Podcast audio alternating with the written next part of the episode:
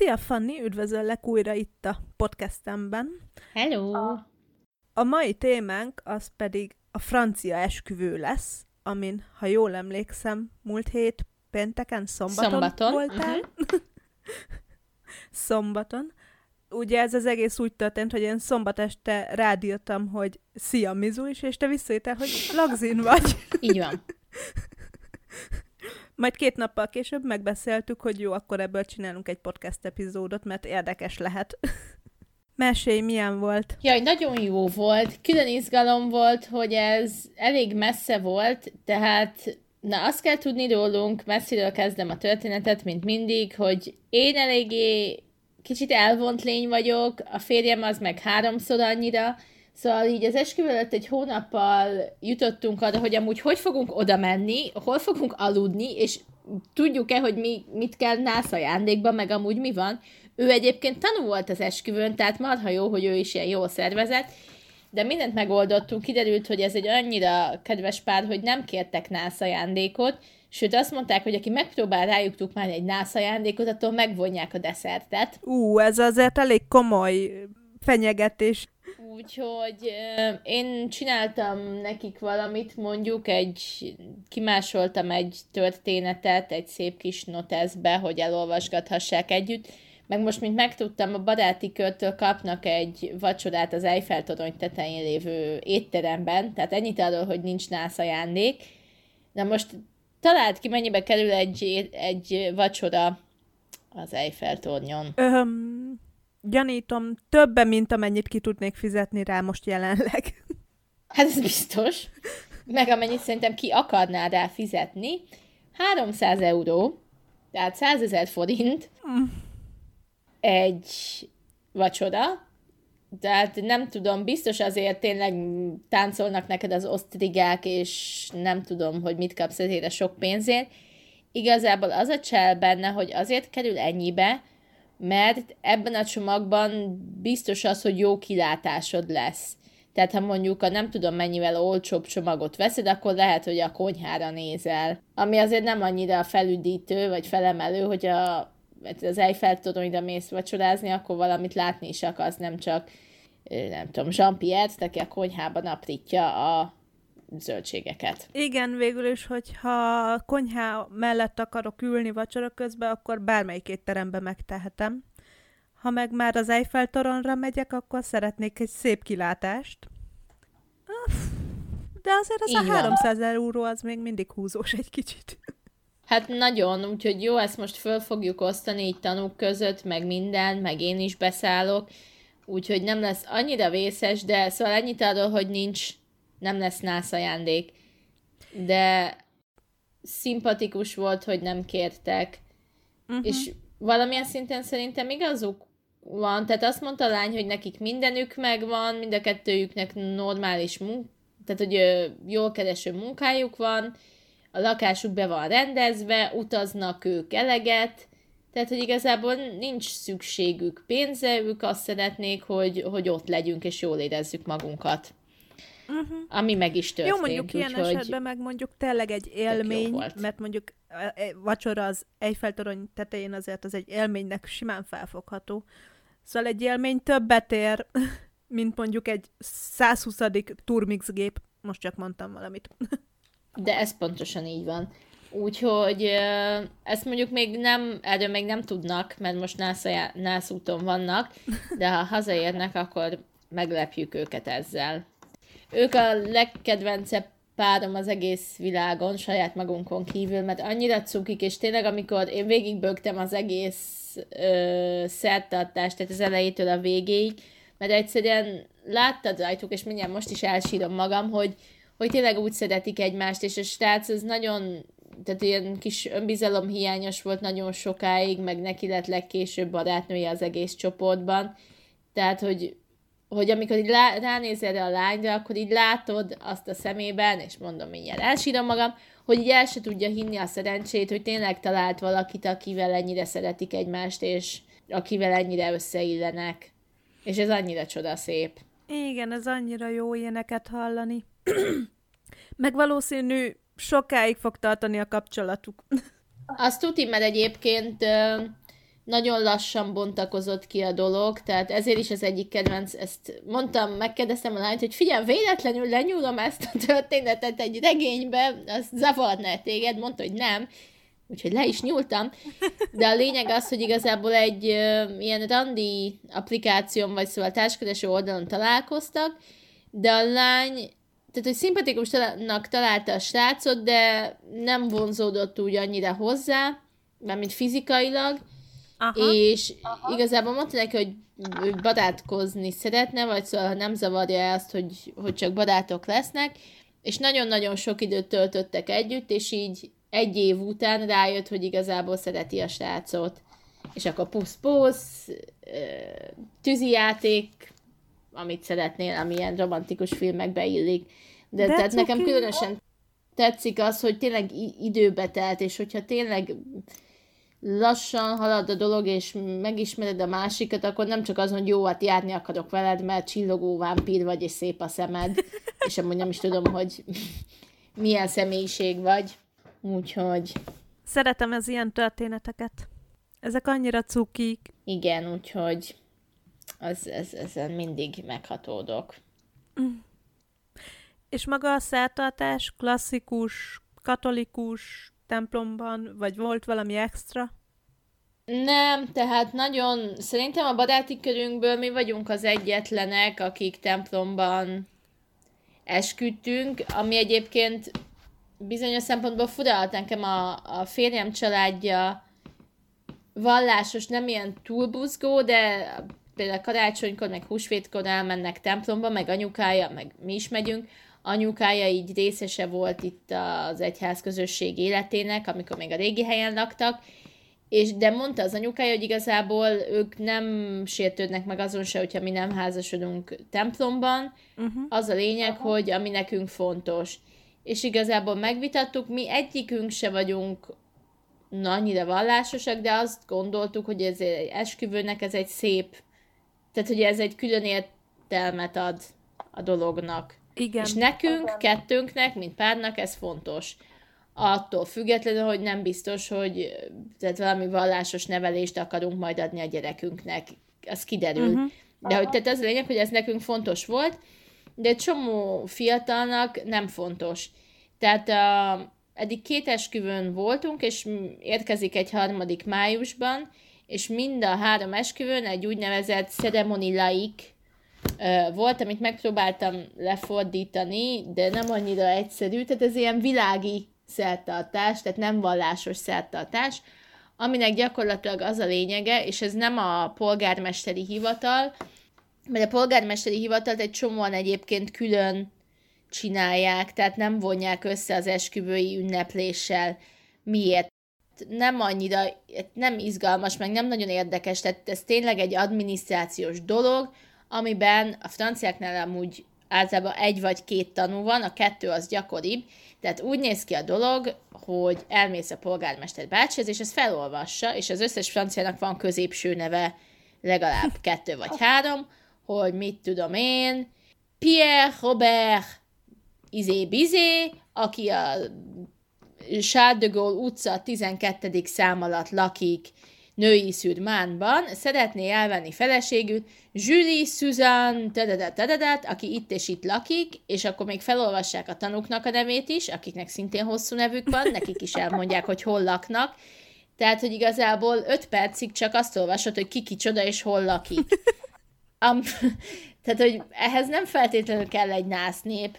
Mi, mi is nagyon gyorsan és diszkréten rendeztük le igazából a, a polgármesteri hivatali esküvőt, ami egyébként nagyon szép volt, meg nekünk jó volt a polgármester is, mert látta, hogy mind a ketten tanárok vagyunk, tehát ezt így kicsit beleszőtte a szövegébe, meg megható is volt, de mi csak a tanúkkal voltunk, meg a szülőkkel. És a polgári esküvőnk az februárban volt, a lagzi meg augusztusban.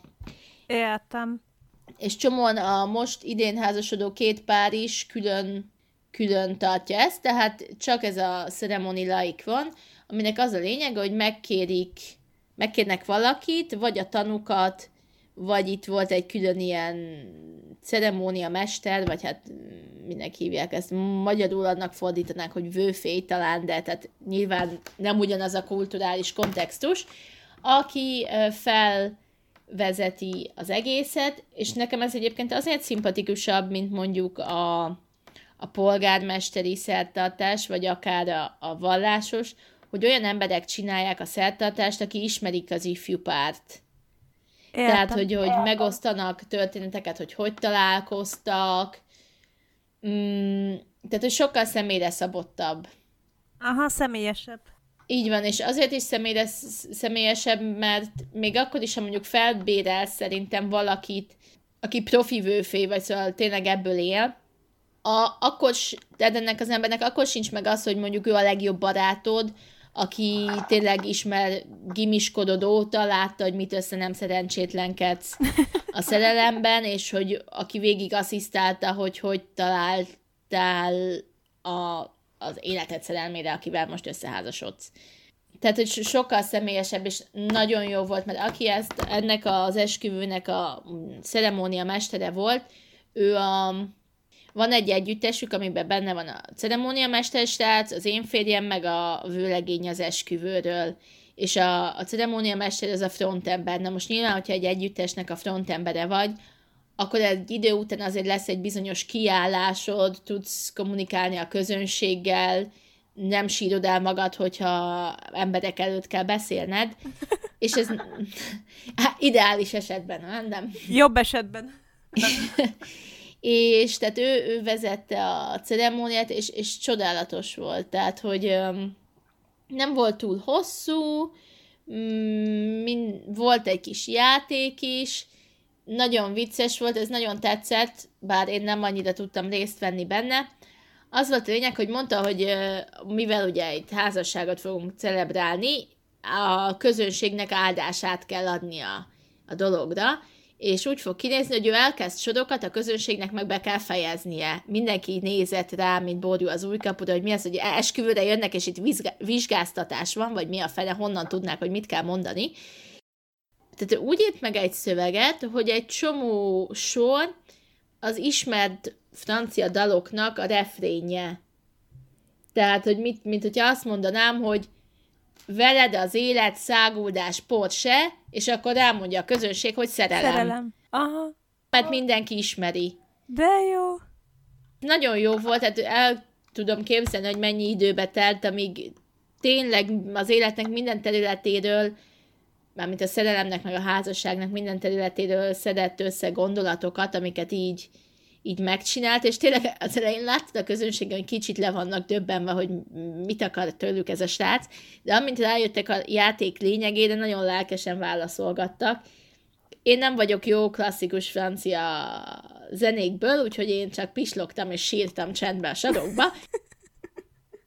De tehát, hogy a, a násznépnek ez nagyon tetszett. Különlegesség volt egyébként, hogy a mennyasszonynak piros ruhája volt, nem fehér, de ők egy nagyon különleges pár, olyan szempontból is, hogy a lány kérte meg a fiú kezét. Ő ilyen nagyon, egy nagyon, nem az, hogy tehát erős személyiség, de nem olyan szempontból, amikor azt mondjuk valaki, hogy erős személyiség, az általában azt jelenti, hogy idegesítő. Nem, tehát hogy egy nagyon önálló lány, és szerintem megbeszélték, hogy, hogy majd ő jelzi, hogy mikor kész a házasságra. És még a lány, vagyis fiú kérésük is egyébként komolyan ez, ebből a párból egy egész könyvet tudnék írni. Tehát úgy történt, hogy elmentek Svájcba, és ott volt, van egy gát, ami a James, az egyik James Bond filmben szerintem a Golden Eye-ban szerepel, és onnan ott történik valami, nem láttam a filmet, és ott van egyébként egy bungee, bungee jumping, csak hát nyilván ez egy menő hely, tehát nem úgy van az, hogy te oda besasszézol, és akkor leugra, tehát hogy odaállsz, hogy na, akkor szeretnék leugrani, hanem azt foglalni kell. Persze a lány ezt már lefoglalta hónapokkal ezelőtt, és mondta a srácnak, hogy jaj, milyen kár, hogy itt foglalni kell, biztos, hogy nem lesz hely, a srác elkámpicsodott, a lány mondta, hogy haha, de milyen jó, hogy én foglaltam neked, és akkor a srác leugrott, és utána mondta a lány, hogy és készen állsz a másik nagy ugrásra, és ezt megnézed, hogy most honnan ugorjon le, és akkor mondta a lány, hogy szeretnél-e velem összeházasodni? És akkor mondta a srác, hogy igen, és pusz-pusz, tűzijáték. Tehát, hogy ők ilyen nagyon különleges formabontó pár, nem csak az esküvői ruhában mondjuk, hanem még a, a legénykérésben is. Istenem, ezt imádom. Ez egy annyira jó sztori. Ez nagyon, úgyhogy teljesen imádom. Rajongói, rajongója vagyok ennek a párnak. Hát most már én is így ismeretlenül is. Éljen, éljen! aztán elme- elmennek véletlenül egyszer Magyarországra utazni, aztán megtámadják őket a reptéren, hogy adjatok egy autogramot, ismerjük a történeteteket, vagytok a legjobbak. Még az is lehet. Hát sose lehet tudni. Úgyhogy ez is különleges volt, tényleg, tehát a, a ruhaszíne. Ott egyébként nincs ilyen, mint nálunk, hogy mármint az ilyen nagyon klasszikus magyar esküvő, hogy menyecske ruha, meg ilyesmi, tehát ott nincs ruhacsere, de mondjuk ő akkor váltjuk úgy, hogy végig menyecske ruhában volt. Tehát annyira tényleg olyan gyönyörű volt egy ilyen bordó ruha, úgy nézett ki, mint egy Disney hercegnő. Akkor végül is ez a klasszikus mennyasszonyi ruha, ruha volt, csak bordóba. Így van. Á, ez annyira szép lehetett. Nagyon-nagyon szép volt. Nem tudom, egyébként én is sokat gondolkodtam, nem, a sokat gondolkodtam, az túlzás, én is gondolkodtam rajta, hogy ha esküvőm lenne egyszer, ami egyelőre nem úgy tűnik, hogy valaha is lesz, de ha lenne egyszer, akkor nem biztos, hogy fehér ruhába állnék az oltár elé. Ki tudja. Igen, nekem is olyan volt, egyébként sosem mond, hogy soha. Ki tudja, mikor ugrik rád bungee jumpingként a szerelem. Hmm. Nekem is úgy volt, hogy a, a ruha teteje fehér volt, de a szoknya az rózsaszín. Jaj! Erről kérek képet. Képet Jó. kérek. Igen, és azonnal, amint vége az adásnak. És ennek annyira örültem, mert igazából azzal az indokkal választottam ezt, hogy majd jól levágom a szoknya alját, és lesz belőle koktélruha. Persze ezt nem tettem meg ez idáig, de hogy, hogy megláttam, mert ezt, tehát egy hasonló modellt láttam valakin, és azt mondtam, hogy na, akkor nekem is ilyen kell. Úgyhogy azt hiszem, ez mostanában így kezd divat lenni, hogy, hogy színesedünk egy kicsit. Igen, egyébként ez egyre gyakoribb. Főleg, hogyha tényleg valaki mondjuk nem csinál ö, templomi esküvőt, vagy hát nem olyan szigorút. Igen. Mondjuk mondom, nekem a rózsaszín bigyuszkámmal se volt gond, a templomba se, uh-huh. de, de nagyon-nagyon szép volt. Úgyhogy...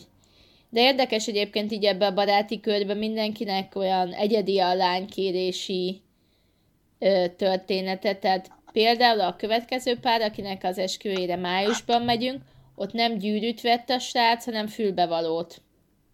Ez de érdekes de nem, tehát, hogy nem talált megfelelőt, és akkor ott esküvői fülbevaló volt. Itt a, a, az előző, a bungee jumpingos párnál ott a lány ilyen manzsetta gombot vett a srácnak. A mi lánykérő történetünk se olyan megszokottan romantikus, mert engem a... de ezt ismerni kell ez a férjemet, szóval én tudtam, hogy meg fogja kérni a kezem, mert igazából együtt vettük meg a a gyűrűt, mert én mutogattam neki képeket, mert az a helyzet, hogy azért ez egy olyan dolog, amit az egész életedben hordasz, és hogyha én bízom az ízlésében, nem arról van szó, de szóval tényleg, hogyha valami csúnyácskát ad oda, azért na, az megöli a hangulatot. Igen, nem őszinte az ember mosolya. Igen. Az anyukája találta a gyűrűt, aztán elmentünk itt családilag megnézni, és akkor mondták, hogy Fanni, melyik tetszik? Megmutattam nekik, hogy melyik tetszik, mondták, akkor menj el sétálni, vegyél egy fagyit. Istenem! Megvették, és ő, engem a férjem a egy angol emeletes busz emeletén mondta, hogy akkor eljön hozzám, ez feleségül? Mondom, hát ja.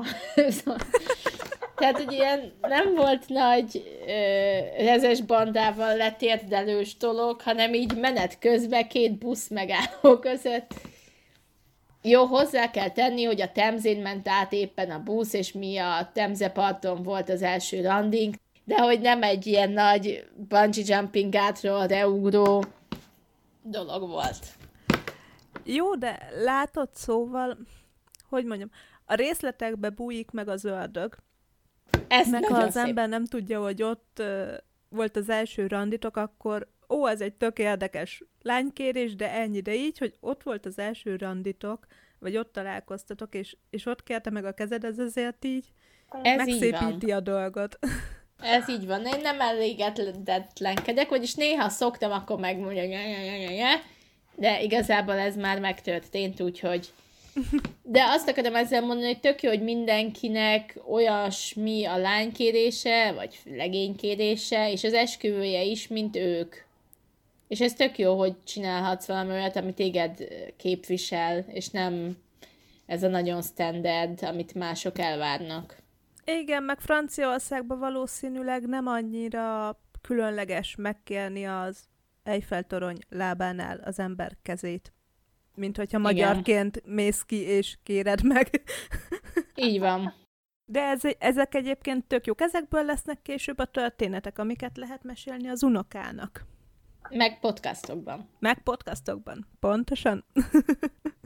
Úgyhogy, tehát a, a, ceremónia az ennyi volt, de egyébként voltunk egy másikon is, és nekem ezt tetszett a legjobban, mert az a helyzet azért, hogy az ilyen ceremóniák elég hosszúra tudnak nyúlni, és az ember egy idő után éhes, én nagyon éhes vagyok egy idő után, tehát nem szeretem, ha túl sokat beszélünk, mielőtt valami falatkák érkeznek, de ez a tökéletes hosszúság volt, úgyhogy tényleg nagyon jó volt. Ráadásul a, a lány énekelt egy számot a fiúnak, és mivel ugye a ceremóniamester az énekes, meg zenész is, ő kísérte gitáron, és van az a szám, hogy ez a Dream a Little Dream of Me most megütnek, akkor sem emlékszem a dallamára, meg jobban jártok, ha nem éneklem el, de az is nagyon megható volt, hogy látszott rajta, hogy a sírás közelén,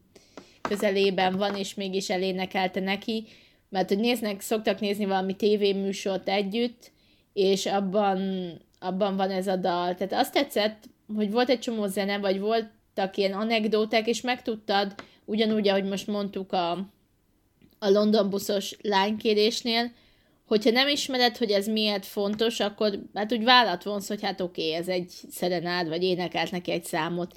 De hogyha így megismered azt, hogy ez nekik miért a kis rituáléjuk, vagy miért van különleges jelentősége, az ad egy mélységet.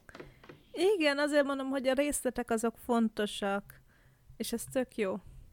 Így van. Akkor ez egy nagyon jó ceremónia volt. Ez nagyon.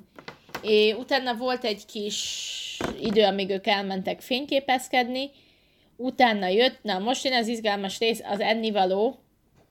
Um, Kaja. Igen, vonatkozó blogposztomban is írtam, tehát a franciák azok annyira extrák, hogy náluk az előételnek is van előétele, és ez hmm. tényleg, tehát a, a nagyobb családi étkezéseknél is van az a rész, amit úgy hívnak, hogy a apero, ami, hát ugye az aperitív az előételből, vagy tehát az elő étvágy gerjesztő, étvágy csináló dologból jön. Ez alapból egy valamilyen ital, tehát és általában nem egy tömény ital, tehát sör, bor, pesgő, cider jellegű dolog, amit az ember úgy 5-6 óra fele fogyaszt. Ugye nyilván mostanság azért tehát e, eszik hozzá valamit az ember, ezek általában ilyen mártogatós dolgok, chips, pisztácia, tehát ilyen kis nyomogni valók. Ez, ez arra jó, nem esküvői kontextusban, hogyha mondjuk szeretnéd áthívni a kollégáidat, de nem szeretnél mert ha, ha franciák ünnepi dolgot főznek, vagy ilyen eseményre főznek, akkor annak sosincs vége, tehát hogy az akkor azért három-négy fogás befigyel, lehet, hogy nem erre vágysz péntek este, de mondjuk szeretnél beszélgetni a kollégáiddal, akkor áthívod őket aperóra, és ebben az a jó, hogy ők tudják, hogy miután megitták a kis sörüket, meg elbeszélgetettek egy-két órát, ők szépen hazamennek, és otthon fognak több fogásos, vagy nem több fogásos vacsorát enni, de van egy kis közös pillanatotok, amit megosztotok, és akkor ott eszegettek valamit. Üm, és akkor ezután vonul át az ember az asztalhoz, és ott elfogyasztja a vacsorát. Esküvői kontextusban az aperót koktélnak hívják, ami megint annak a bizonyos bizonyítéka, hogy a franciák nagyon szeretnek angol szavakat átvenni, aztán arra használják őket, amire kedvük tartja. Tehát a, szerintetek a koktél eseményen van-e koktél? Nincs. Gyanítom, nincs. nincs. Miért hívják koktélnak? Az Isten se tudja. De tehát ez a lényeg, ez az apero, itt általában körbejár a pincér, vagy tehát el, el, mész és megkeresed magadnak egy pohár. Fú, itt szerintem bor volt, bor, pesgő, valami ünnepi jellegű ital, és akkor emellé kapsz mindenféle kis falatkákat, amik tudod, ilyen apró... Egy harapás. Egy, egy harapás, így van, tehát volt ilyen, hát le se tudom írni, hogy mik voltak ezek, amikor ilyen kis pohárkában van, és akkor van benne mondjuk, ö, hát ez ilyen krumplihab volt, vagy ö, volt egy kis libamáj benne, tehát azért jó dolgok vannak benne, csak nagyon apró, vagy ilyen zöldség, uh-huh. zöld, zöldségek összevágva, tehát ilyen, ilyen kis falatkák, erre jobb szót nem tudok igazán mondani. Tökéletes. Ebbe az a jó, hogy ugye állófogadás, tehát ezt koktéltelen állófogadásnak fordítanám magyarul. Ez az a rész, amikor ö, még nem, nem ültettek le a vacsorához, és az a rész, amikor már úgy, tehát a ceremónia alatt jól megéheztél már, azért szeretnél valamit enni, tehát ez tökéletes időpont erre, és akkor jössz, mész, beszélgetsz mindenkivel, a, az ifjú pár is el tud vegyülni, tehát ez, ez a része az, amikor így az emberek tudnak beszélgetni. És ez tök jó, mert szerintem az otthoni esküvőkön ez a lépés nincs meg, tehát összeraknak, leültetnek valaki el egy asztalhoz, és akkor igazából össze vagy zárva velük, most ha te vagy a, a kevésbé érdekes rokon, akkor összeraknak a fényképésszel, meg a rokonokkal, akiket, vagy tehát ugye csak egy távoli barát vagy, akkor összeraknak a rokonokkal, akiket úgy utálnak, csak meg kellett hívni, tehát hogy na jó, csak sarkítottam mondom, de hogy nincs annyira lehetőség arra, hogy ismerkedjél, vagy beszélgessél olyanokkal, akiket amúgy ismersz, csak nem a te asztalodnál ülnek.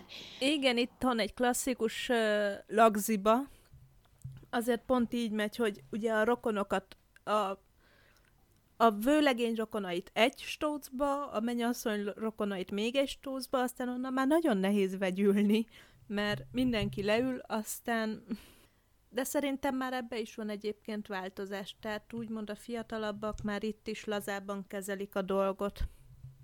Igen.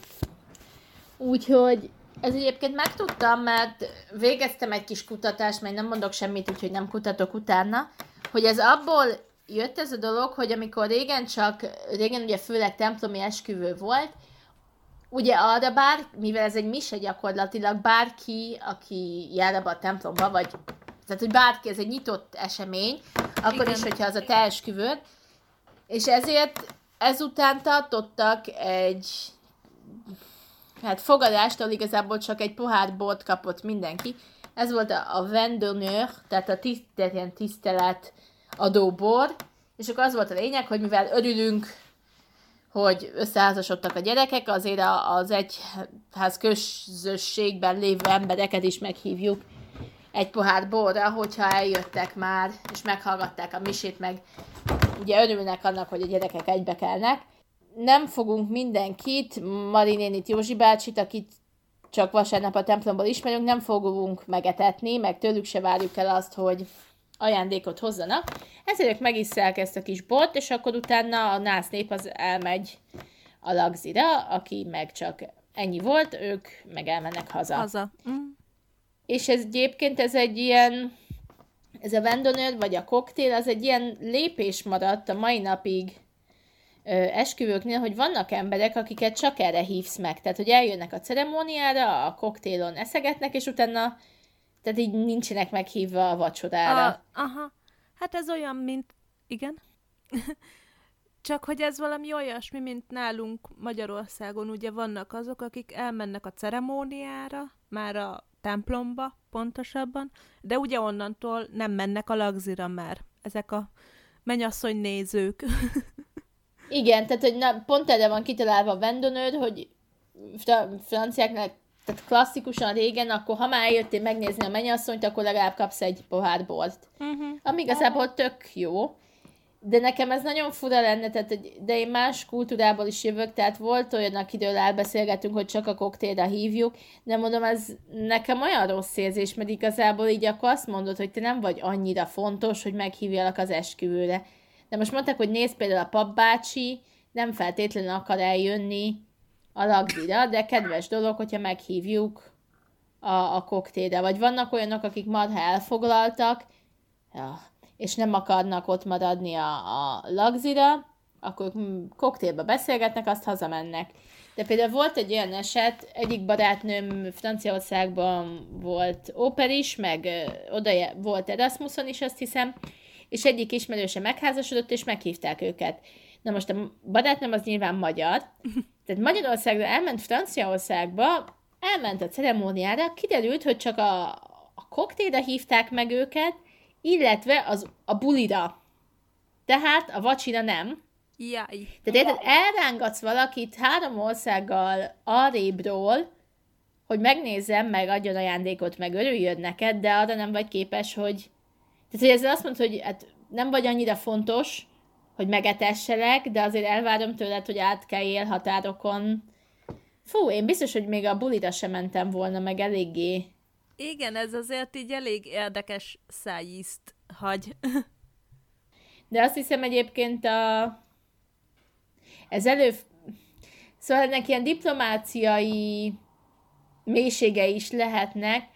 Azt hiszem előfordult az a férjem családjával, hogy mindenféle ilyen szappanopedába illő okok miatt összetűzésbe keveredtek a férjem kereszt anyának a családjával. Azt hiszem az volt a sztori, hogy az apuka kicsit félrelépett, anyuka szomorú volt, akkor ugye a férjem családja az anyukát pátyolgatta, aztán a férj visszatért, az anyuka visszafogadta, és mindenki a férjem családjára hadagszik, hogy miért az anyukát pátyolgatták. Ennek ah. eredményeképpen, amikor megházasodott a lányuk, a férjem családját csak a koktélre hívták meg, és nem a, a vacsorára. És szintén ami a Francia, tehát Franciaországban valahogy jobban, e, hogy mondjam, otthon azért eléggé vízfejű az ország olyan szempontból, hogy azért Budapestnek elég nagy gravitációs súlya van, és az fiatalok is arra fele Igen. migrálódnak, Igen. És a Franciaországban azért tehát nem csak Párizs van, ugyanúgy virágzó, illetve mit, Nantes, Lyon, Bordeaux, tehát ezek Nyilván nem ugyanolyan súlyú ö, városok, de de ez lényeg, hogy mindenhol es, esküvő van, az nem biztos, hogy egy órán belül odaérsz autóval. Ez a lényeg. Tehát ahova mi mentünk, az konkrétan négy és fél óra volt autópályán. Úristen. Ha, ha nem lettünk volna hajlandóak autópályadíjat fizetni, de nagyon jó volt, mert ugye elintéztük azt, hogy összeálltunk öten, és akkor így nem volt olyan drága az autópályadíj, de így is fejenként fizettünk 26 eurót, tehát ez azt jelenti, hogy az autópályadíj az, mit tudom én, jó sokba került. Igen, az elég drága.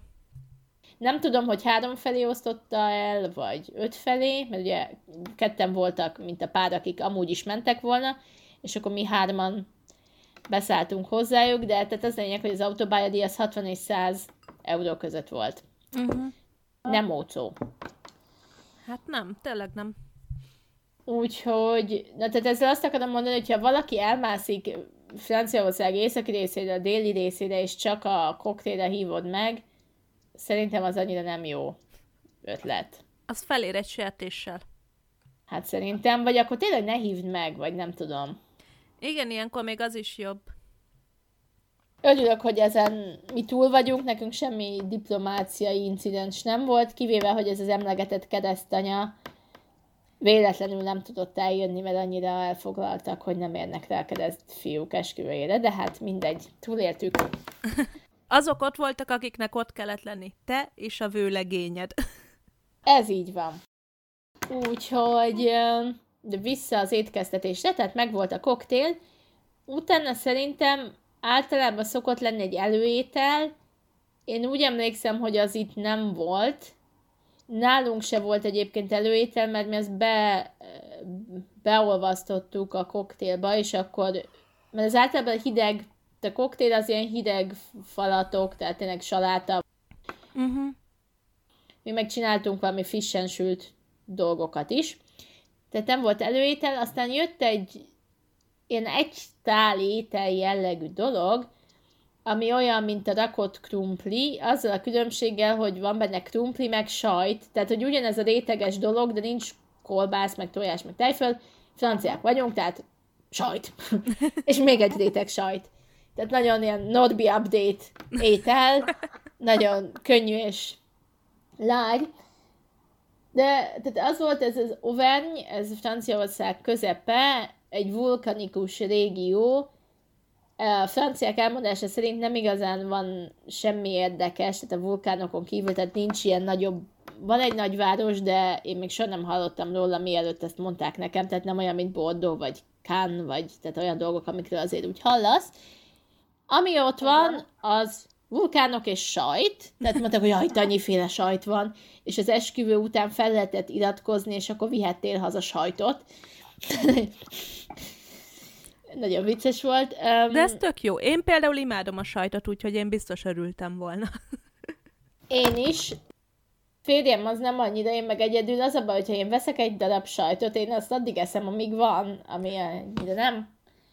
Jó, Ismerős. a franciák ugye csak így desszertgyanán teszik a sajtot, én meg amikor meglátom és megkívánom, tehát um, igyekszem visszafogni magam. A férjem meg nem eszik sajtot, ő egy nagyon atipikus francia, úgyhogy én erről lemondtam.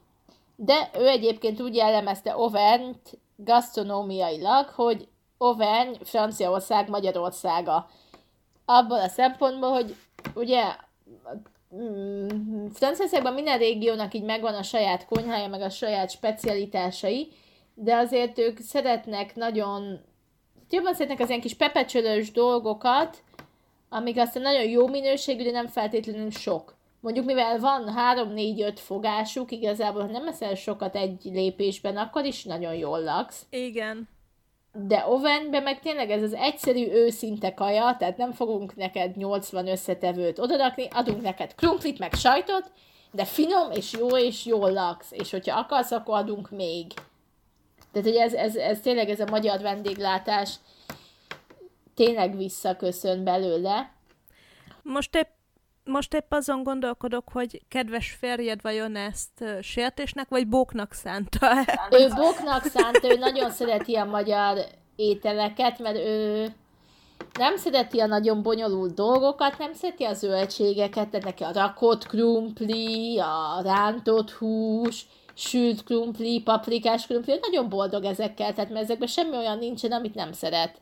Tehát szereti a krumplit. Igen. Így van, ezt nagyon jól összefoglaltad. Nem, tehát, hogy, hogy ez tényleg nála azt jelentette, hogy nem, tehát egyszerű, jó ételek bőséggel, és nem annyira könnyű, lájtos ételek oldalán. És végül is szerintem ez tök igaz, és tényleg, hogyha a, az a magyar konyhára gondolsz, tényleg a krumpli, husika, az azért nem egy diétás étel, de nagyon jó. Úgyhogy ez volt a, így a főétel, de tényleg, tehát, hogy, hogy, hogy olyan szempontból egyszerűbb volt, hogy általában esküvőkön pincét kihozza neked egyenként a tányérodon az ételt. Itt meg az volt, hogy tálakat hoztak, és akkor te magad szedegettél róla. Tehát, hogy ez is sokkal ilyen egyszerűbb, de barátságos volt szerintem. Akkor itt volt egy kis szünet, és kihoztak valamit, amire én nagy felháborodásomban azt gondoltam, hogy ez a desszert. Miért háborodtam föl? Mert franciáknál ugye a főétel után van a sajt. És mondom, engem itt hergelnek a sajtokkal, amióta beléptünk Oven területére. Mi az, hogy ide hoznak nekem desszertet, ami kicsi is, nem is sajt. Aztán kiderült, hogy ez nem a desszert volt, hanem egy olyan dolog, amit én még soha nem láttam. Az a neve, hogy True Norman, tehát Norman Juk, elég érdekes név. Ez egy, mint hogyha egy feles pohárnál kicsit nagyobb üveg pohárban volt egy gombócfagyi, ezért gondoltam, hogy ez a desszert. De amikor elkezded úgy, úgy nyomogatni azt a fagyit, rájössz, hogy ez alkoholos, és igazából a fagyi alatt most elfelejtettem mi a neve, egy, mm, egy tömény alkoholos ital, ami kb. mint a pálinka lenne, van. A franciák pálinkája. Így van.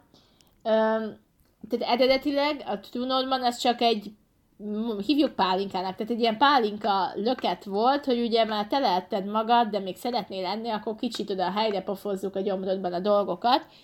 Aztán rájöttek, hogy ez így túl egyszerű, azért franciák mégis franciák, tehát hogy rakjunk vele valami különlegeset, és akkor ehhez hozzáadtak egy ilyen sörbet gombócot, tehát ez egy vizes alapú, uh-huh. talán alma és körte fagyi általában, de amitől könnyebben csúszik ez a igen, ez a pálinka meg ennek dolog. nagyjából semlegesebb az íze az almának, meg a körtének, ugye? Így van, tehát hogy ez nem, nem azért eszed, mert most te itt nagy fagylalt gurmé vagy, és izé, hanem mert akkor ez egy kis szünet, ez kicsit lehűti a gyomrodat, az alkohol az helyre pofozza a főcsonkát, és akkor megjön a hely a sajtnak.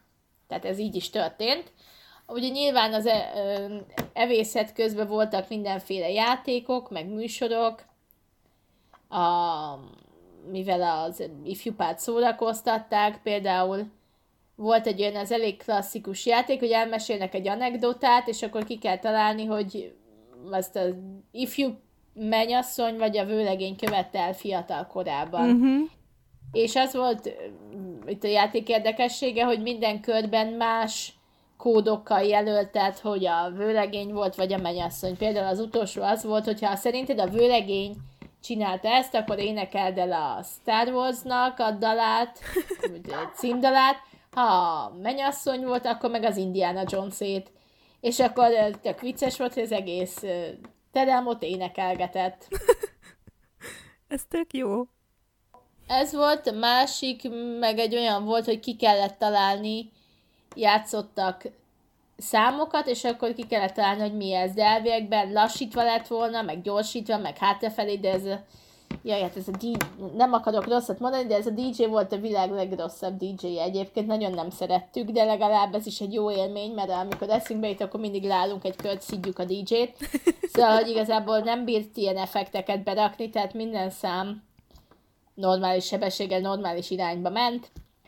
És a mi asztalunk nyert, úgyhogy nagyon elégedett voltam. De persze nem nyertünk semmit, csak a jogot, hogy együnk desszertet, de mindenki kapott desszertet, szóval tehát nem nyertetek semmit.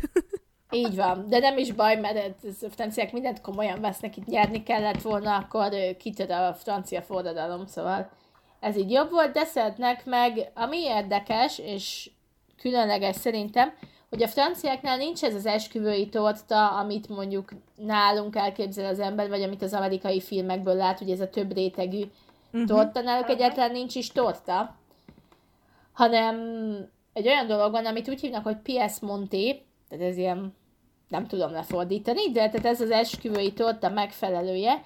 Ez általában úgy szokott kinézni, hogy vannak ezek a súk, amilyen kerek süti, kis apró kerek bigyó, nem tudnám leírni, hogy mi van benne, pedig nagyon sok Great British Bake Off-ot néztem, de tehát van a sú, és akkor ez föl van ragasztva egy ilyen kúpra a, a mi esküvőnkön én nem vagyok annyira oda ezért a súlyért, mi ma makaronnal csináltuk. A makaron? Ez nagyon jó volt, úgyhogy... um, tehát, hogy ez egy szép látvány, hogy mondjuk nekünk úgy volt, hogy volt rózsaszín, meg talán fehér makaron, és akkor föl van ez rakva egy kúpra, és tudod, mint ilyen spirál alakba mennek föl a színek. Aha. Szép volt, de már nem emlékszem, szóval, hogy utána azt le kell bontani, meg mi, mi ott vagdostunk is valamit, bár nem emlékszem, hogy mit vagdostunk, mert ugye maga torta az nem volt. Igen. Náluk ez a desszert, és itt igazából még PS Montése volt, ami kicsit fura volt, de hát nem baj. De volt helyette makaron, meg volt helyette mindenféle egzotikus gyümölcs, meg hát valami kis pohárkában valami nagyon finom, amit szintén nem tudok beazonosítani. Tehát, hogy az nagyon jó volt, és ami még like különleges, az, hogy így ilyen kettőkor, amikor már így a, a gyengébbek kidőltek, a bátrabbak még próbáltak táncolni, amikor végre a DJ olyan számot rakott be, amit láthatóan táncoltak az emberek, de mindegy, egyszer csak bejelenti a DJ, hogy kész van a hagymaleves. És nézzük, hogy ez valami kódszó, vagy biztos valami titkos üzenet, de nem, tehát éjjel kettőkor, vagy háromkor kihoztak jóféle francia hagymalevest, úgy, ahogy kell, volt mellé kruton, meg reszelt sajt, és kiderült, hogy ovenben az egy hagyomány, hogy ez így gyakorlatilag az este félig lezárásaként esznek valamilyen, hát ilyen bekuckózós ételt, mert ugye azért a, tehát ez a hegyekben van, uh-huh. biztos, uh-huh. hogy télen, télen telebben, mint most, e, elég hideg van, tehát e, e köré épül a gasztronómia. Tehát e, megeszed a kis hagymalevesedet, összebújtok, aztán vége az estének. Nyilván itt nem ért véget az este, mert még táncoltunk hajnalig, de ez így tök érdekes volt. Én ilyen e, random éjszaka közepén előkerülő fogást nem láttam még a franciáknál, sehol máshol. Ez ugye kicsit olyan, mint nálunk a töltött káposzta éjfélkor. Igen, épp ezt akartam mondani. Tehát látod, amikor az én okos előrelátó férjem azt mondta, hogy Auvergne Franciaország Magyarországa közelebb volt igazából a dolgokhoz, mint gondolta. Hihetetlen. Úgyhogy ez volt, és utána a franciáknál szokás az, hogy másnap ott maradsz reggelire, vagy hát ilyen brunchra, ami így a reggeli ebéd, villás reggeli aha, valami, mert aha. ugye, hát én kidőltem három, fél négykor, a többiek meg a, a kemény mag az ötig még társasozott, meg mit tudom én mit csinált, szóval ők ilyen tíz körül tértek magukhoz, és akkor ezután volt reggeli. Hát az már tényleg nem reggeli. Igen, ez már ilyen délelőtti. És ilyenkor is ilyen bevett szokások, vagy fogások vannak, vagy, vagy ilyen, vagy az előző esti maradék? Nem, nem, franciák nem, nem maradékoznak. Um, ja, meg ami fontos, még este szokott lenni kávé, így miután mindent megettél, de persze kicsit pont akkor hozták a kávét, amikor amikor valami más volt, úgyhogy nem tudtam szerezni, de én utána levadáztam a kávét, mert az azért éjfél körül azért már kellett, főleg, hogy addig ettünk.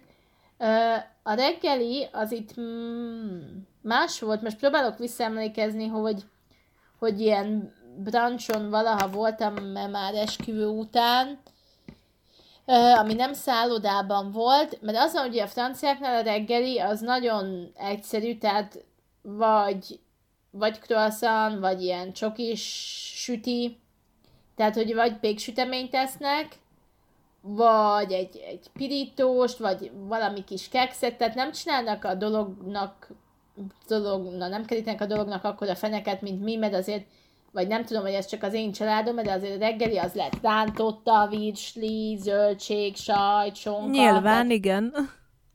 Az nem egy ilyen futó a fér, nyilván az embernek nincs erre ideje öm, hétköznap, de az a lényeg, hogy a franciáknál a sajt meg a sonka az nem egy reggeli affér.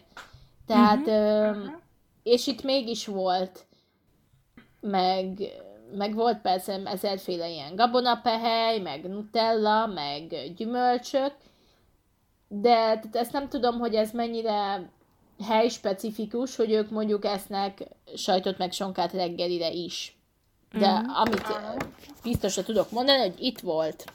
Akkor ez ilyen svéd asztalszerűség volt. Pontosan. Ez tök jó.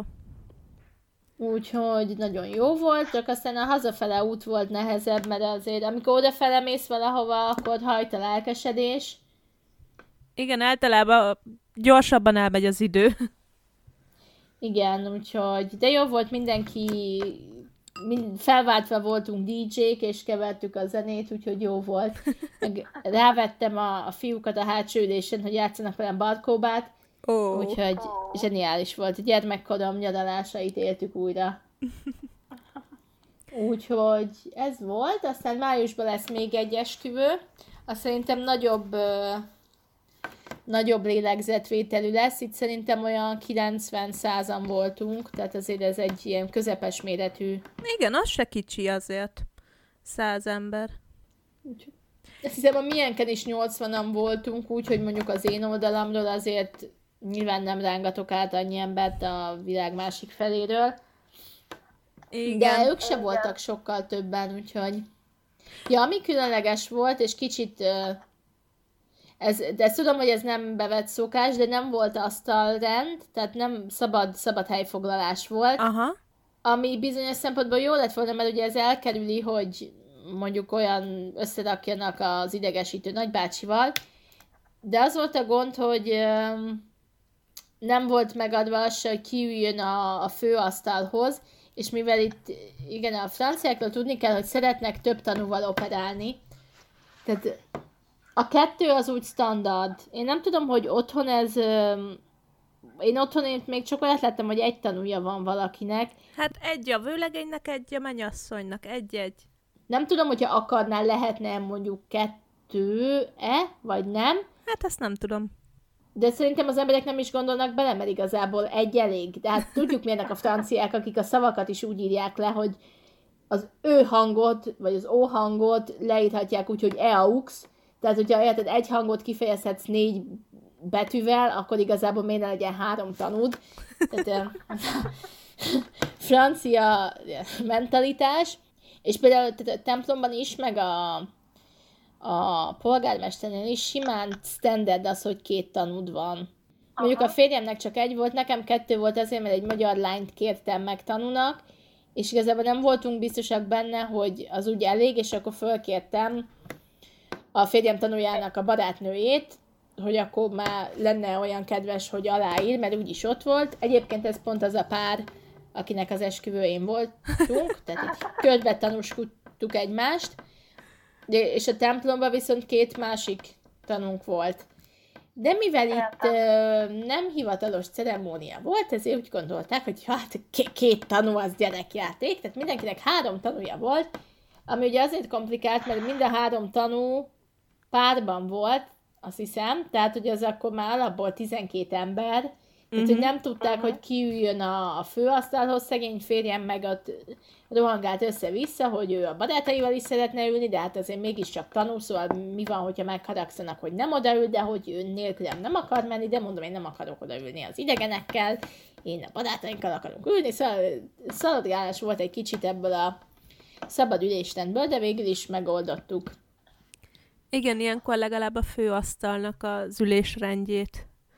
Igen, azt is megtudtuk, hogy nem akartak főasztalt, csak uh, valaki utolsó pillanatban lemondta, Aha. és emiatt nem lett annyi asztal, és akkor ugye szimmetrikusan kellett berendezni, és ezért kellett középre egy asztal, és így oldották meg. Mert ez ilyen kőbevésett törvény, hogy szimmetrikusnak kell lennie. nem tudom. Lehet, nem tudom, hogy a szimetria miatt volt, vagy praktikus okokból. De így alakult.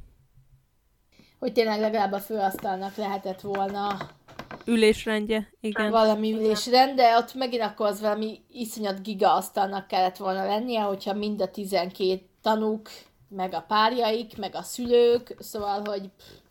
Igen, az azért elég, elég sok ember akkor mondták volna azt, hogy a tanúk mm, csak a tanúk, de akkor a szegény párok, mondjuk én ismerem a barátokat, tehát nekem nem lett volna gond, de hogyha külsős vagy, és csak azért jöttél, mert a barátodat meghívták, és mondjuk elültetnek valahova tök idegenekkel, az se jó. Persze. Ezeken el kell gondolkodni. De nagyon-nagyon jó volt. Úgyhogy... Na, hát ez egy...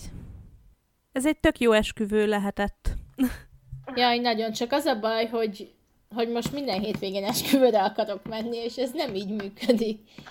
Úgyhogy, ráadásul az a baj, hogy ebből a baráti körből akarok esküvőre menni, mert annyira ezzel annyira összetartóak, és tényleg ez nekem sok időbe telt, de ez biztos, vagy gondolom mondtam már múltkor is, vagy nem tudom, hogy mondtam-e, de hogy időbe telt, amire megszerettem ezt a baráti kört, mert annyira, ugye a, a kemény mag, ismerik egymást ötödikes koruk óta, tehát az már több mint húsz éve. Igen.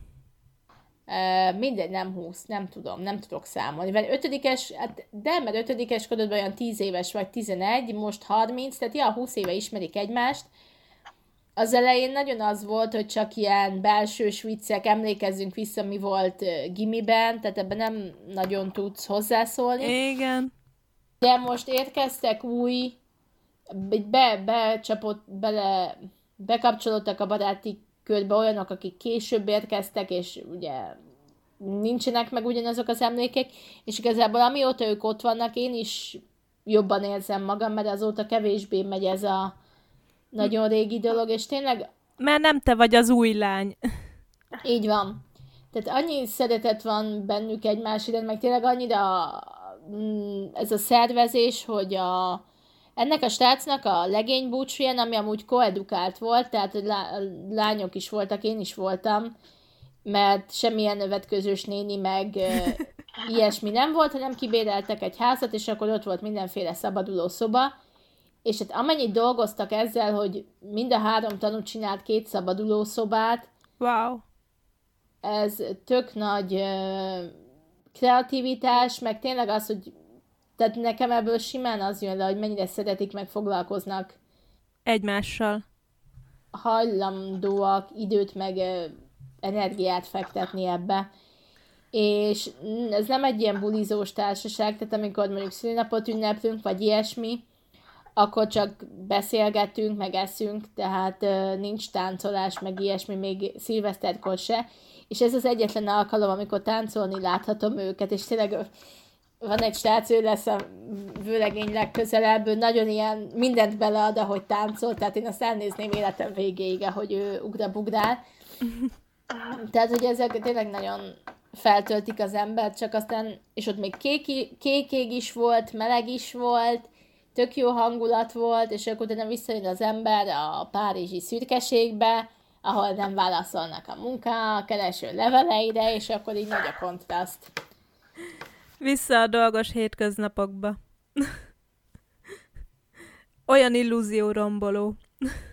Igen, mondtam is, tegnap az orvos, orvosnál voltam, mondta neki, hogy igazából most már minden hétvégén esküvőre szeretnék menni, aztán mondta a gyakornoka, aki egyébként úgy nézett ki, mint egy ilyen fúzió Jézus és Rasputin között, de nagyon jó, mert minden alkalommal meglátom, ilyen boldogság tölti el a szívemet, vagyis hát nevetni támad kedvem, szóval azt mondta Jézucsin, hogy hát legyek esküvő szervező, de mondtam, hogy ez nem így működik, olyanokat szeretnék látni, akiket ismerek és szeretek.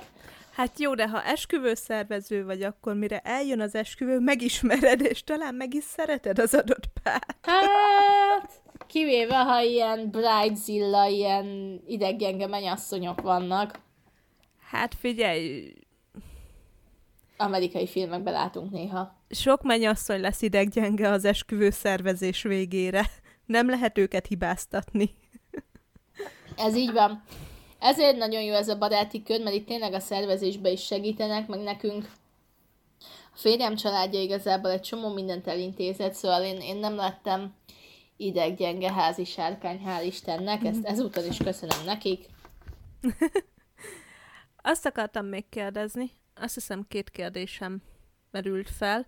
Az egyik az, hogy mennyire, hogy mondja, tehát, hogy itthon ugye az van, hogy meghívja az ember a családját, de szól, hogy így az unokatestvértől a másod unokatestvér szól, hogy elég nagy, tradicionálisan.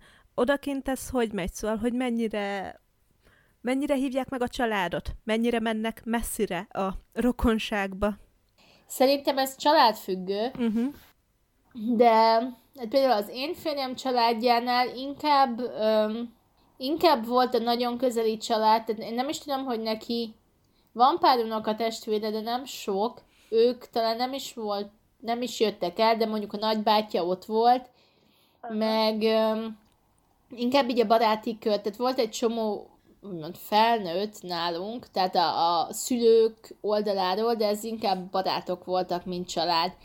Ennél az esküvőnél azt gondoltuk, hogy többen lesznek, mert a, a mennyasszonynak egy csomó unokatestvére van, és elvégben csinálnak egy olyat, amit úgy hívnak, hogy kuzinád, tehát ilyen unokatestvér gyűlés, és találkoznak évente, és akkor az unokatestvérek összejönnek, és partiznak. Én ilyet még életemben nem hallottam. Ez tök jó.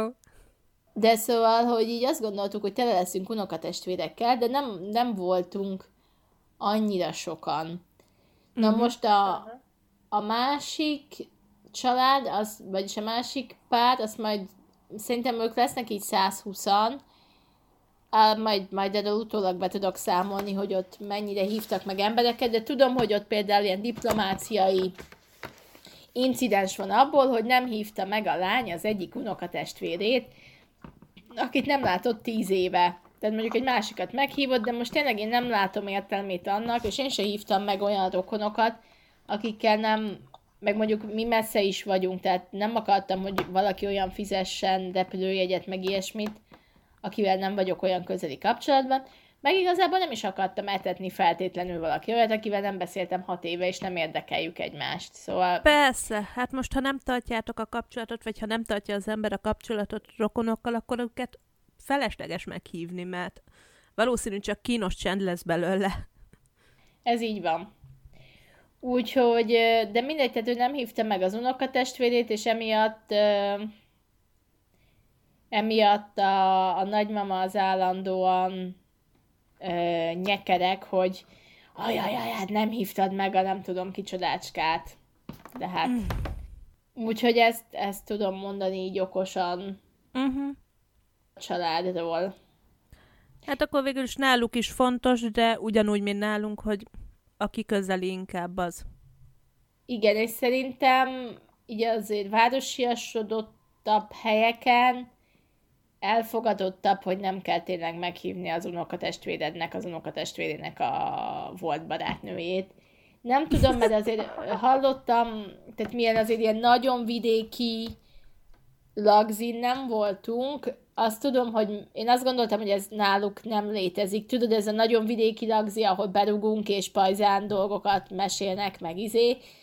De én azt gondoltam, hogy ez ilyen magyarabb szokás, de elviekben, ahol a nagymamájának van, a férjem nagymamájának van egy ilyen nyadalója, az egy ilyen egy utcás falucska, így a vidék közepén, és elviekben voltak egyszer ott esküvőn, és az ilyen nagyon, hát ilyen klasszikus esküvő volt, és egy szegény anyukája, az ő anyukája egy nagyon ilyen, hmm, nem tudom, hogy jellem, tehát egy ilyen párizsi nő, aki nem feltétlenül szereti az ilyen pajzán mondjuk. Ajaj. És hát valami Konzervatívabb. Nagyon... Konzerv... Tehát, tehát nem idegesítően konzervatív, de igen. Tehát ő nem fog asztalon táncolni pálinkás üveggel a kezében, na.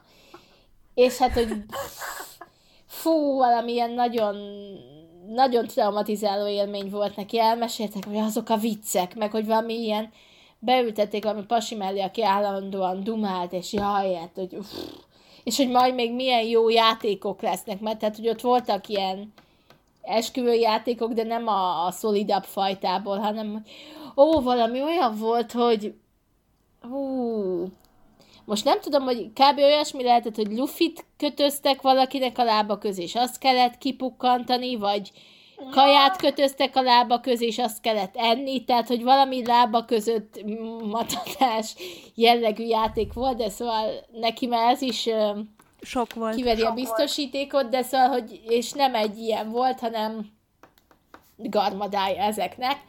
Úgyhogy, tehát biztos a francia esküvőknek is vannak olyan rétegei, amikbe még nem szálltunk alá. De ezt majd megtudjuk. Elviekben van az a srác, aki most a kocsit vezette, ő azért ebb, kicsit erre hajaz, nem teljesen, de szóval ő van legközelebb ehhez a, a tematikához, mert voltak a 30. szülinapján, és azt úgy jellemezték, mint egy ilyen rosszabb vidéki esküvőt, amikor minden rokon már részeg rögvest izibe.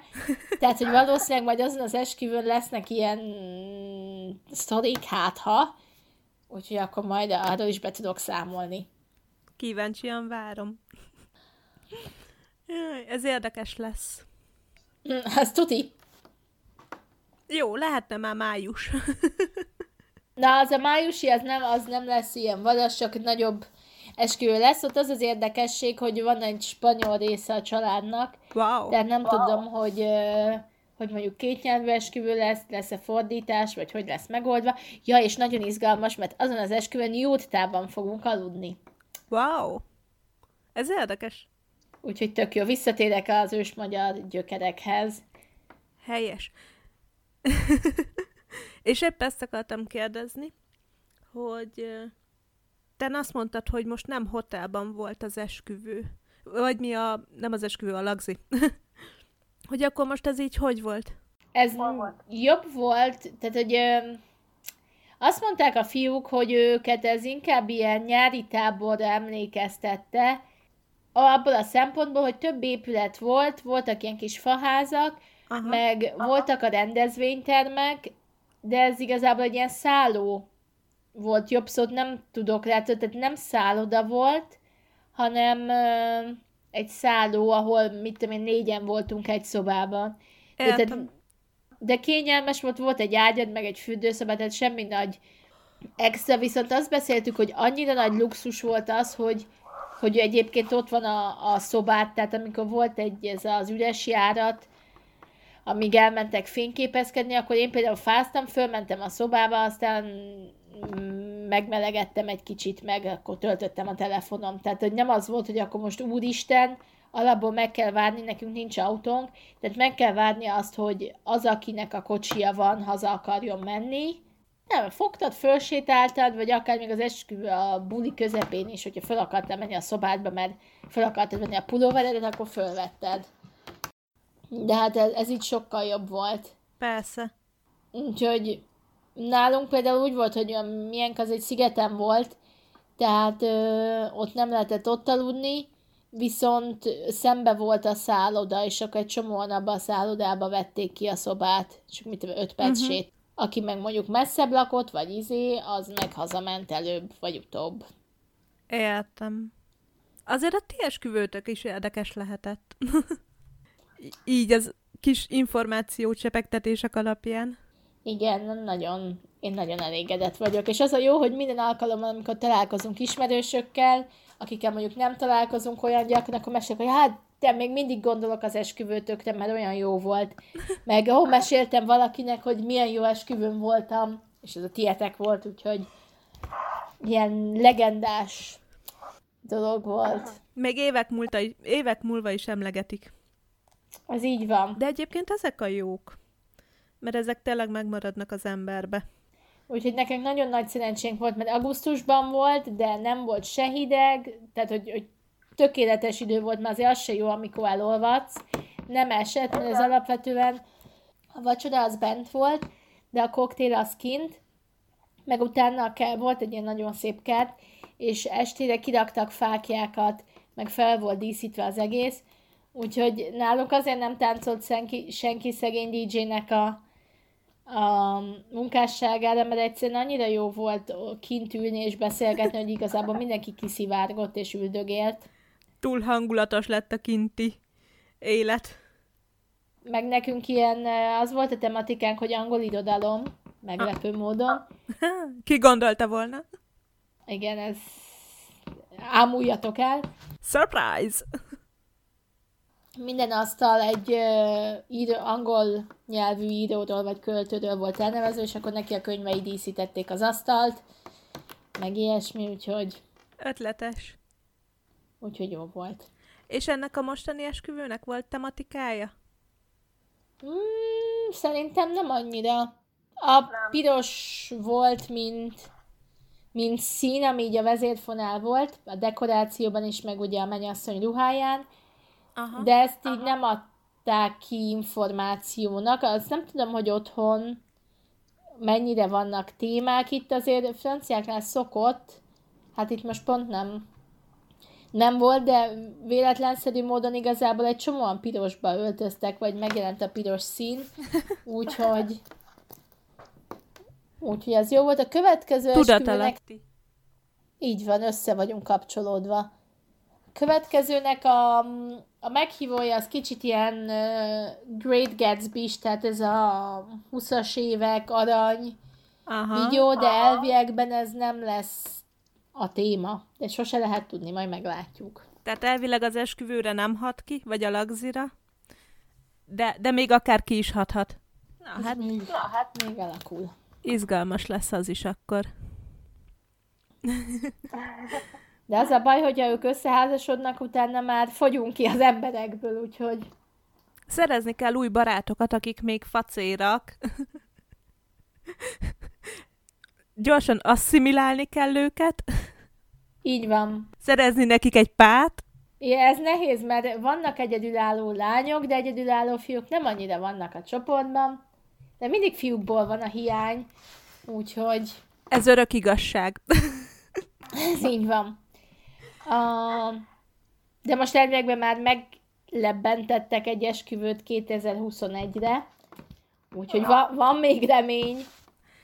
E- Aztán majd nem tudom, csinálunk ilyen mm, de hát nem tudom, mint tudod az Avengers-ben, hogy volt a Toros film, meg a Aha. Iron Man, meg mit tudom én, és akkor van a Avengers, meg a végkifejlet, és akkor csinálunk majd ilyen esküvő szezonfinálé, nem tudom. Uh, az úgy jó lesz. Crossover esemény, nem tudom. A nincsen facér férfi témához csak annyit szólok még hozzá, hogy néhány éve elkaptam két ilyen, hát már idősebb nőnek a beszélgetését, és az egészből csak ennyit hallottam, hogy a jó pasik azok vagy házasok, vagy melegek. Ez így van, tehát ez a ez az életigasság, a bölcsészkar, ez biztos meséltem múltkor a, te, a hogy demográfiai lebontását a bölcsészkarnak. Tehát, hogy tényleg mindenki lány, 95% lány, utána az egy kevés fiú, aki ott kering, hát azok így nem annyira szépek, meg nem annyira figyelnek magukra, szóval így, így akkor köszönöm. Ha látsz egy fiút, aki jól néz ki, és tényleg ad magára, akkor, ő, akkor a fiúk iránt érdeklődik, tehát ott sincs esélyed. Ha látsz egy fiút, aki a lányokat szereti, és normálisan néz ki, az 60 millió éve párkapcsolatban van, és akkor itt ki is fújt. Tehát ez a ismerkedési esélyek a bölcsészkaron című műsorunkat hallhatták, bár elvilegben a magyar szakon voltak fiúk, az angol szakon nem. Pedig én néha, bevallom, voltam olyan kétségbe esett, hogy vettem úgy fel órát, hogy megnéztem a, az összetételt, hogy kik jelentkeztek, és volt egy-két fiú, na mondom, fölveszem ezt az órát, hát ha. Istenem. Aztán a fiúk el se jöttek az órára, tehát így. Még ez se jött össze. Nem. Úgyhogy ezért volt az, amikor megláttam a férjemet egy, az egyetemen, mondom, hát ez egy fiú, aki nem csúnya, akkor derítsük ki, hogy melyik a következő lépés, ahol elbukik az elméletem. És vagy volt a meleg, szerencs... vagy párja van. Így van, tehát ezért be, oda vetettem magam, hogy kikémleljem a dolgokat. De az volt a nagy szerencsém, hogy egyébként én január 3-án vetettem le az első pillantást, és a barátnő az december 26-án szakított vele. Szóval így, így a nagyon a, be a megfelelő időpontban érkeztem, plot twist, meglepő fordulat, az a lány, akinek az esküvőjére megyünk májusban, az ez a volt barátnője. Ne. Aki szakított vele, és egyébként a férjem ezen az esküvőn is tanul, mert a legjobb barátja veszi el a lányt. Szóval imádom a baráti körét, mert annyi ilyen... Ez a Párizs, ez egy kisváros. Itt az emberek lépten nyomon összefutnak egymással. Úgyhogy lehetne ilyen halmazáblát készíteni, hogy ki járt kivel. Ez lesz a nagy, egyébként tényleg ilyen crossover lesz a májusi esküvő, mert a srác megjárt egy másik lányjal a, a baráti körből, Aha. ki nem tudom, mit akartam ezzel mondani, szóval ő is mind a ketten jártak már valaki mással a baráti körből, mint akihez végül hozzám mennek. De ez vicces, igazából az elején én ezt egy ilyen nagyon fura vérfertőző dolognak tartottam, de igazából ezeket mostanában mindig ilyen viccesen mesélem mindenkinek, szerintem marha szórakoztató, és a legnagyobb örömöm, amikor találok valakit, aki ezekről nem tud. Például annak a srácnak a barátnője, aki levitt minket, ő nem ismerte ám itt ennek a baráti körnek a, a mocskos kis múltját, és akkor el szoktam röhögni azon, hogy igazából a férjem az két lányjal is járt a baráti körből, pedig a férjem az nem egy ilyen nagy kaszanova, tehát volt előttem három barátnője, de abból kettő, az még mindig megvan a baráti körben. Szóval nagyon vicces. I- imádom.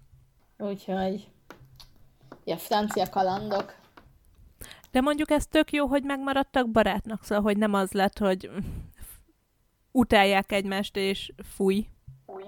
Vannak öm, vannak surlódás, tehát hogy nem, nem a izé, kemény magnál, de tehát hogy voltak olyanok, akik nem annyira jönnek jól egymással, de szerintem ez tök jó, mert csak rájöttek igazából, hogy, hogy nem valók egymászt nem pár működik egy szempontból. Úgyhogy, de attól, tehát én nagyon, nagyon-nagyon kedvelem a, ezt a lányt, aki most fog férjhez menni, és igazából ő volt az első, aki így próbált velem beszélgetni, pedig én azért tartottam tőle, uh-huh. hogy uh-huh. volt barátnő, biztos meg akar mérgezni valami mérgezett almával, vagy mit tudom én, de nem. Hófehérke effektus. Igen. Úgyhogy úgyhogy meg uh, egy, állandóan náluk vagyunk, társasozunk, tehát hogy de rájuk nézel, meg nem mondanád, hogy ők, ők valaha egy pár voltak, tehát semmilyen ilyen madadék rezgés nincsen. Nincsen köztük.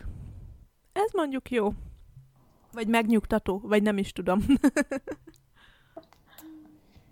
Úgyhogy... És egyébként nem tudom, mennyire láttál bele ebbe az egészbe, de ez engem baromira érdekel. Hogy ismerkednek a francia fiatalok? Hát ez nagyon jó ö, téma.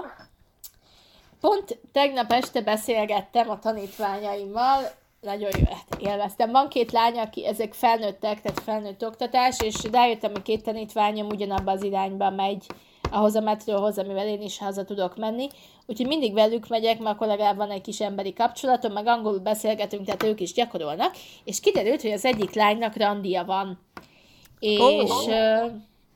na, ezzel mindenki, mivel uh, alapban egyébként 25-en voltunk, a csoportban, de így a sztrájk alatt megcsappantak az emberek, nyolcan maradtunk, és azért azok, akik megmaradtak, úgy olyan nagyon barátságos a hangulat, tehát a, a pont a jövő időt vettük, és akkor mondom, hogy hát nincs már sok időnk, beszélgessünk arról, hogy mit csináltok majd óra után, és amikor ez a lány bedobta, hogy randia van, a két másik lány, akivel egy csoportban van, tehát ó, randi van, de izgi, úgyhogy érdekes nyelvtani, vagy nyelvhez kapcsolódó dolog, hogy franciául a rendezvous az egyébként csak önmagában találkozót jelent, tehát az orvossal is rendezvúd van, meg a, tehát ugye ez, ez tényleg azt jelenti, hogy meeting, ha a randira gondolsz, ezt úgy mondják ilyen klasszikusan, hogy rendezvous galant, tehát ilyen gáláns találkozó.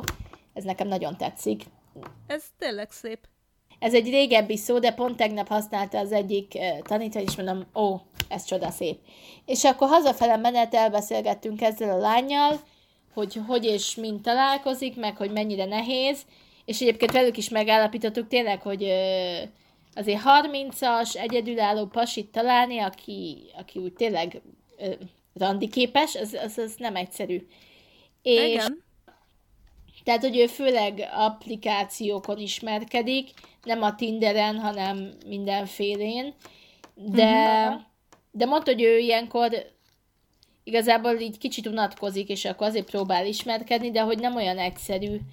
És hogy mit tudom én, ezen a héten három randia is lesz, minden este valaki mással, aztán hát, ha valamelyik működik, Viszont a másik lány megmondta, hogy ő, ő is három különböző applikáción fönt volt, de de megunta, mert unja, hogy állandóan be kell mutatkozni, hogy szia, ez a nevem, azt szeretem, és hogy néha kapsz egy csomó üzenetet, és mindegyikre válaszolni kell, és igazából nincs már életed, mert 68-szor be kell mutatkoznod különböző pasiknak.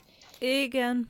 Úgyhogy ők ezt mondták, hogy a pár, akinek az esküvőjén voltam, ők, ők egy, tehát ők egy társkeres oldalon ismerkedtek meg alapvetően, szóval van remény, csak mondom, ez is egy hosszabb folyamat volt. Aztán, hát ugye a mm, nem annyira tipikus példa, de ugye bará, mi baráti körünkben, ugye a baráti körben ismerkednek az emberek, mint azt a példa mutatja.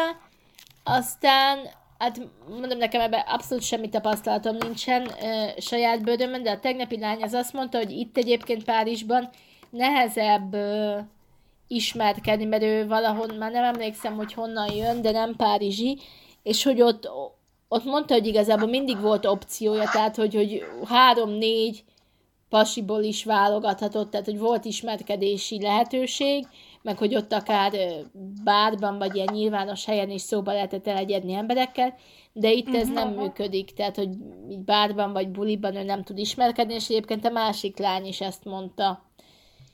Úgyhogy...